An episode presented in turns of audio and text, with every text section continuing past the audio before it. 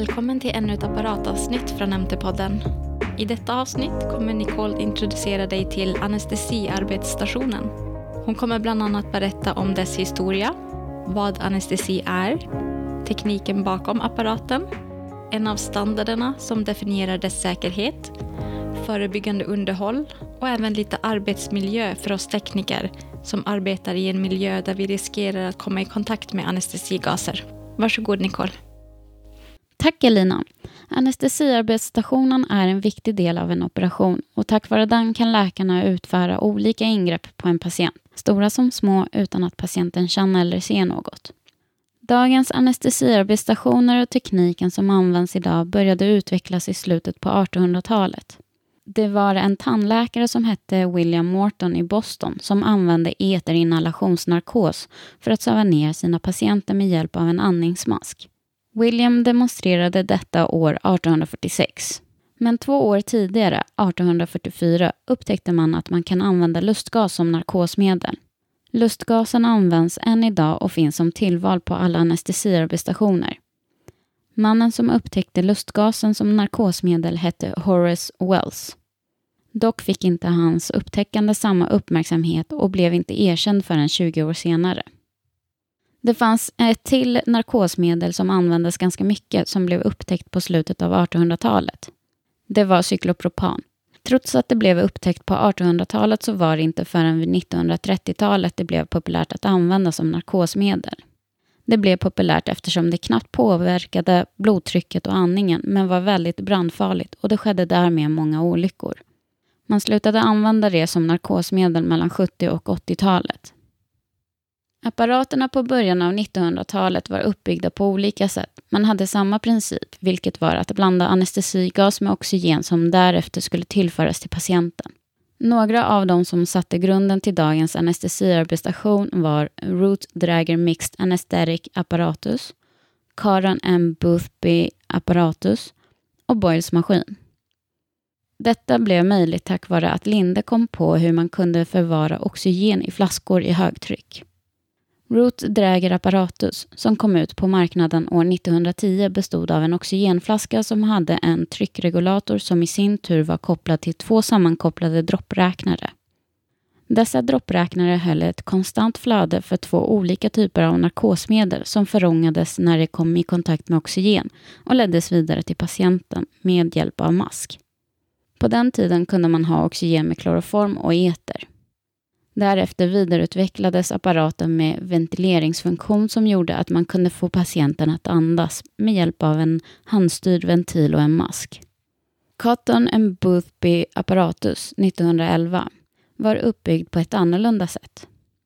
De använde oxygenflaskor och lustgasflaskor som blev sammankopplade till en vattenbehållare där gasen blandades och gjorde att vattnet bubblade. När gasen hade blandats fördes det vidare till nästa behållare där mixgasen blandades med eter innan det gick vidare till patienten. Med hjälp av att se hur vattnet bubblade kunde man beräkna gasflödet till patienten och justera tryckregulatorn. Boyles maskin introducerades lite senare än de jag nämnde innan. Den introducerades år 1917. Maskinen bestod av gasflaskor som hade kopplingsfäste med tryckmanometer och tryckregulator som gjorde att trycket blev lägre och konstant när det skulle blandas med förgasade narkosmedel. Men Boyles maskin skiljer sig från de övriga genom att den hade en master and slave-regulator som skapade en säkerhet för patienten. Tryckregulatorn till lustgasflaskan var uppbyggd så att det kom inget flöde om inte oxygenregulatorn var öppen. Detta gjorde att patienten inte riskerade för att kvävas av lustgas. Men detta gjorde inte att maskinen var idiotsäker. Det fanns fortfarande risk att oxygen kunde falla bort eller stoppas vid flödesmätaren. När detta hände kunde reservoarballongen kollapsa. I Sverige började man med anestesiologi lite senare än runt i världen. Knut Harald Gertz var en överläkare på Sabbatsbergs sjukhus i Stockholm som jobbade med kirurgi och studerade lungornas fysiologi under operation. På 1910-talet hade man byggt under och övertryckskammare för att ha en tryckskillnad i patienten för att upprätthålla andningen och blodcirkulationen. Gertz tog ledigt från sin tjänst för att studera mer om lungoperation och utförde experiment på djur på Karolinska institutet. Gertz slutsats blev att vanlig tryckskillnad vid andning inte var lönsamt, men däremot konstgjord andning gav god ventilation och blodcirkulation till patienten. Denna slutsats var fundamental och ledde till att man byggde anestesiarbetsstationer på 1930-talet i Sverige. Anestesiarbetsstationer bygger som sagt på de funktioner som vi har nämnt tidigare och vi har även märkt hur viktigt det är med medicinska gaser. De anestesiarbetsstationer som används idag är en moderniserad Boyles-maskin med nya och förbättrade funktioner och som är mer automatiserade eftersom vi kan programmera in det och underlätta vårdpersonalens jobb.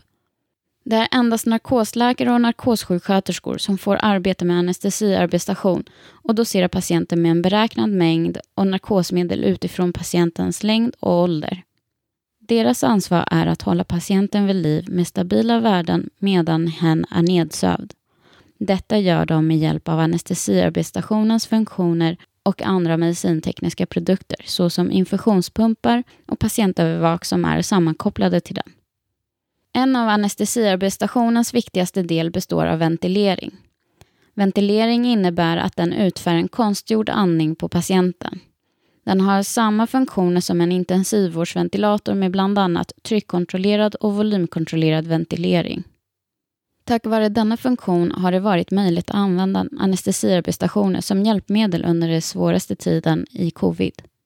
Idag har de flesta anestesiarbetsstationer även ett integrerat övervakningssystem som följer patientens saturation, EKG, ventilering, blodtryck och centrala ventryck. Du har även en TOF, som står för Train of Four, som mäter muskelns reaktionstid genom att skicka fyra stycken pulser. Det mäts i form av fyra staplar och visar i en egen skärm eller på patientövervaket.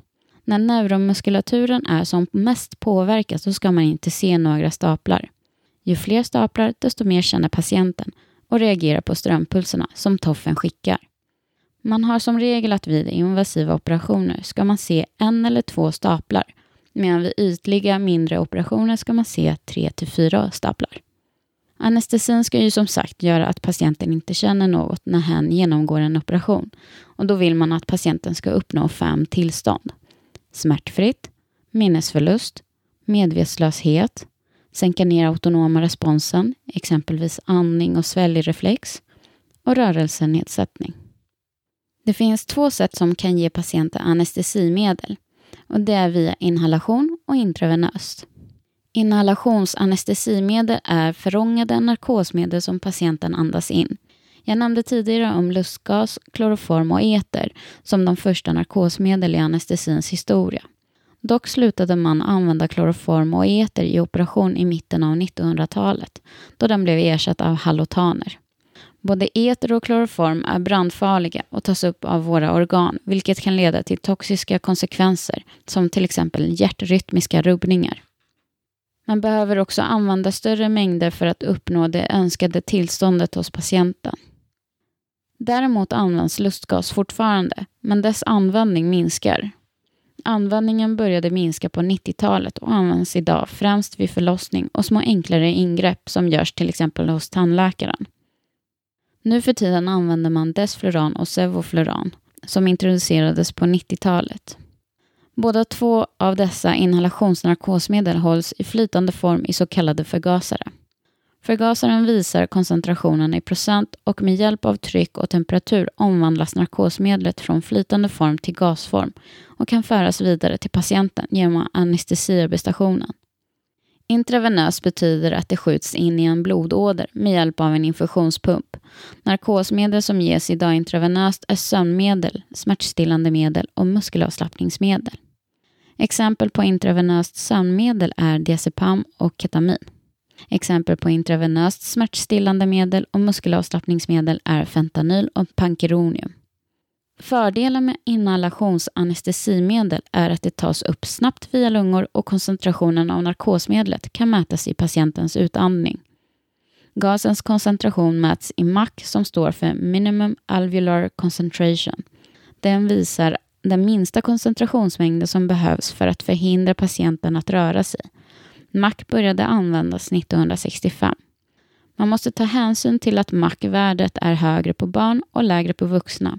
Och det kan även öka vid vissa sjukdomstillstånd, som till exempel vid hypotermi och kronisk alkoholberoende. Eftersom tillverkarna av anestesiarbetsstationerna såklart använder sig av standarder vid utveckling och tillverkning så vill jag kort berätta om en av de övergripande standarderna som gäller. Glöm inte bort att vår kära 601 också gäller. Även flera andra som jag inte kommer nämna här. Det finns då alltså en standard som heter 80601-2-13. Den senaste versionen är från 2011 och mer än siffrorna heter den Particular Requirements for Basic Safety and Essential Performance of an Anesthetic Workstation. Den definierar som ni då säkert förstår säkerheten och prestandan.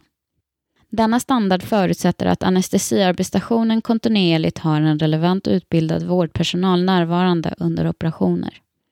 Den definierar krav för kompletta anestesiarbetsstationer såväl som delkomponenter där den räknar upp saker som gassystem, andningssystem, gasevakueringssystem, förgasare, ventilator, patientövervakning, alarmsystem och skyddssystem. Vad dessa innebär finns självklart definierat i standarden. Och för er som nu tänkte att andningssystem och ventilator låter som dessa kan likna varandra kan jag berätta min tolkning av den engelska definition som ges i standarden. Andningssystemet definieras som en inspiratorisk och expiratorisk luftväg där anestesimedel i form av gas flödas mellan färskgasingången, slangen till patienten och porten för gasevakuering. Så kort och gott, det är vägen som leder gasen till och från patienten via gasevakuering och färskgasingången. Ventilatorn definieras som en komponent till anestesiarbetsstationen som är kopplat via andningssystemet till patientens luftväg och automatiskt förstärker patientens andning, alternativt ersätter patientens andningsfunktion helt och hållet. Utöver definitionerna hittar du även specifikation för gasflöde och läckage. Eftersom du säkert ser dessa sätt att mäta i din gasanalysator och ventilatortestare så tycker jag att det kan vara värt att nämna. Den uttrycker värden för gasflöde och läckage i STPD, alltså Standard Temperature and Pressure Dry, förutom de värden som kopplade till andningssystemet eftersom dessa uttrycks i BTPS, alltså Body Temperature and Pressure Saturated. Den här standarden är 124 sidor lång och innehåller därför rätt mycket annan information. Men för att du ska orka lyssna klart så stannar vi där. Hur ser då en modern anestesiarbetsstation ut? Den är uppbyggd på flera moduler som är sammankopplade och de samarbetar för att tillföra rätt gasblandning och flöde till patienten. Anestesiarbetsstationen står oftast på antistatiska hjul för att minska risken för brand och komponentskador. Den delas oftast in i tre delar, högtrycks-, mellantrycks och lågtryckssystemet. Vi börjar med högtryckssystemet. Där finns en gastillförselmodul som man kopplar slangar till både sjukhusets centralgassystem och till gascylindrar som kan monteras fast på maskinen. Gastrycket från sjukhusets centralgassystem brukar vara mellan 4 till 5,5 bar. Vid centralgasingångarna har man sensorer som mäter trycket för att säkerställa att maskinen får gastillförsel. Dock är lustgas valbart medan luft och O2 är obligatoriskt för att anestesiarbetsstationen ska fungera. Gasflaskor finns som alternativ för att kunna mobilisera patienten som är kopplad till anestesiarbetsstationen. Man brukar se fyra slangar med olika färger. I Sverige använder vi ISOs standardfärger för specifika gaser respektive funktion. Randig slang i vitt och svart är för luft. Helvit slang är för O2 och blå slang är för lustgas, även känd som N2O. Och gul slang för utsug som eliminerar överflödig gas. I USA använder man andra färger. Gastrycket regleras i moduler med hjälp av tryckregulatorer till ett lägre stabilt tryck och går vidare till mellantryckssystemet. I mellantryckssystemet finns det en modul som kallas för mixer där de olika gaserna blandas och ska ge den förbestämda koncentrationen av gasblandning. Det finns även olika säkerhetskomponenter för att säkerställa bland annat att det finns ett kontrollerat flöde och ett säkert tryck. Det är säkerhetslarmet för trycket på O2, flödesmanometer och ventiler som kontrollerar flödet. Maskinen ska ha säkerhetslarm när O2-koncentrationen är under 21% för att förhindra att patienten får syrebrist. Det finns även O2-flush som ska ge snabb O2-tillförsel till patienten med ett flöde mellan 35 och 70 liter per minut. Till slut har vi lågtryckssystem som består av ventilatorn, överskottsutsug, andningssystemet och förgasare. Som jag nämnde tidigare, en förgasare är en behållare med flytande anestesimedel som till exempel desfluran och sevofluran som gör att den förångas med hjälp av tryck och temperatur. Det finns både mekaniska och elektriska förgasare och de ger bestämd koncentration av anestesimedlet som blandas med färskgas. Färskgas är blandning av syre och luft. Andningssystemet brukar vara ett block som brukar vara avtagbar för diskning som leder flödet genom olika ventiler och flödessensorer som leder gasen vidare ut i slangar som är kopplade till patienten. Det finns två ventiler som är extra viktiga i andningssystem och det är säkerhetsventilen och APL-ventilen. APL står för Adjustable Pressure Limiting Valve och är mer känd som Bernerventil. Syftet med APL-ventilen är att reglera trycket vid spontan andning och fungera även som överskottsventil som släpper ut anestesigaser till gasutsuget. Gasen som blir överflödig sugs upp av ett utsug. Utsugssystemet kan även benämnas kort som AGS som står för Anesthetic Gas Scavenging. Säkerhetsventil öppnas för att undvika övertryck i patienten. I lågtryckssystemet har vi även en så kallad absorber som innehåller kalk som suger åt sig koldioxiden som patienten andas ut. Absorben är en förbrukningsartikel och den blir lila när den reagerar med koldioxid och då kan personalen avgöra när absorben behöver bytas.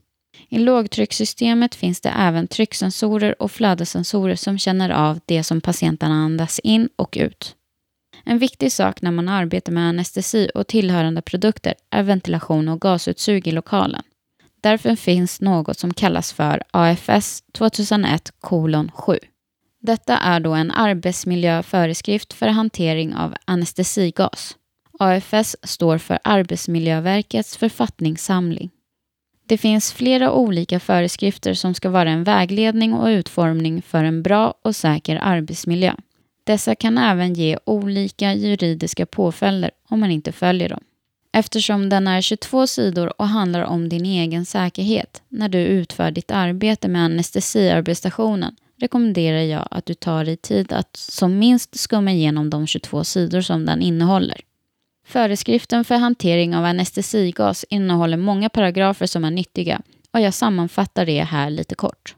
AFS nämner att det är personal som är medvetna om riskerna och vet hur man ska åtgärda dem vid behov får arbeta med anestesigas. Därför finns det specialiserad narkosläkare och sjuksköterskor för det och utbildad servicepersonal som hanterar dessa apparater. Det ska även finnas specifika rutiner för hur olika jobb ska utföras för att det ska vara så säkert som möjligt för både patient och personal och undvika läckage. Det är viktigt att se till att det utförs i rum med bra ventilation och tillgång för att koppla in utsugsslangen. Du bör utföra förebyggande underhåll på anestesiarbetsstationen i till exempel i ett operationsrum där det har bättre ventilationssystem än andra rum på sjukhus. Och om du utför service på förgasare på bänk, se till att du har ventilation, till exempel stå i ett dragskåp eller ha punktutsug. Viktigast är att det finns överskottsutsug som är tillräckligt stark för att ta upp och föra bort överbliven gas. Anestesiarbetsstationen måste kontrolleras innan den används och genomgå förebyggande underhåll en gång om året. Vårdpersonalen utför tester på maskinen varje dag innan de börjar utföra operationer för att se att den fungerar som den ska och se till att andningssystemet är tät. Om andningssystemet ger stora läckage så ska det här åtgärdas och göra om testerna. Förutom alla dessa vettiga paragrafer som jag precis sammanfattat innehåller den lite information om hälsorisker. Den säger att man i slutet på 60-talet uppmärksammade negativa hälsoeffekter på vårdpersonalen som hade arbete med anestesigaser. Man beskriver ett troligt samband mellan exponering av vissa anestesimedel och missfall. Man nämner även att det som gör att anestesimedel kan uppfylla sitt syfte, alltså att påverka nervsystemet, också ses som en hälsorisk om man utsätts kontinuerligt. Eftersom en anestesiarbetsstation som läcker ut gaser kan ha dessa bieffekter för oss som arbetar i denna miljö ofta, eller rent av dagligen, tänkte jag att det kan vara bra att ha en grundläggande förståelse för ventilationen i en operationssal. Jag kommer inte att gå in på för eller nackdelar. Inte heller vad som är bäst. Bara förklara hur ventilationen kan vara uppbyggd eftersom detta såklart påverkar hur anestesimedlet i gasform rör sig i rummet om det läcker ut från en anestesimaskin. Grundläggande så finns ett eller flera tillluftston och ett eller flera frånluftston placeras för att få en bra luftströmning. Placeringen skiljer sig beroende på vilken typ av luftföringsprincip som används. De två vanligaste luftföringsprinciperna som används i den här typen av miljön är deplacerande ventilation och parallellströmning. Väldigt förenklat kan man förklara det så här. Deplacerande ventilation innebär att luft i lägre temperatur tillförs sakta via tilluftstornet som placeras nära golvet. När den luften kommer i kontakt med ytor som har högre temperatur så rör sig såklart luften högre upp på grund av densitetsskillnaden mellan varm och kall luft. Sedan avlägsnas den förorenade luften genom frånluftskanalen placerade nära eller i taket. Parallellströmning när man pratar operationsmiljö innebär oftast att man placerar tillluftston i taket och frånluftston vid golvet för att på så sätt föra en kolv av luft i högre hastighet genom operationssalen uppifrån och ner då denna luftström tar med sig luftföroreningar på vägen ut. När det kommer till förebyggande underhåll handlar det mest om byte av slitagedelar och verifiera funktionen hos både anestesiarbetsstationen och de tryckstyrda skydd som är inbyggda för patientens skull. Eftersom slitagedelarna kan skapa läckage om de inte byts enligt specificerade intervall och efter att jag precis gått igenom hälsoriskerna så tror jag att du förstår vikten av att inte tumma på kvaliteten i arbetet här. Utöver detta kalibreras självklart gasmätning också.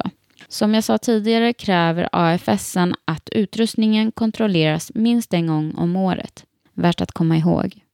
Om vi tar olika fabrikat i åtanke så kan man säga att förebyggande underhåll tar ungefär en halv arbetsdag. Självklart beroende på vilka första fel man stöter på under processen. Jag rekommenderar att du följer tillverkarens instruktioner för vad som gäller för just den anestesiarbetsstationen som du jobbar med när du ska utföra förebyggande underhåll. Eftersom du sannolikt hittar eluttag på baksidan av anestesiarbetsstationen och stationen även innefattar utrustning för övervakning av patientens vitala parametrar så görs oftast ett förebyggande underhåll på den utrustningen samtidigt. Jag tänker dock inte gå in mer på patientövervakningen i sig, men detta påverkar själva elsäkerhetstestet för anestesiarbetsstationen eftersom den behöver mätas som ett system tillsammans med all utrustning som kopplas in i de uttagen som sitter på baksidan av arbetsstationen.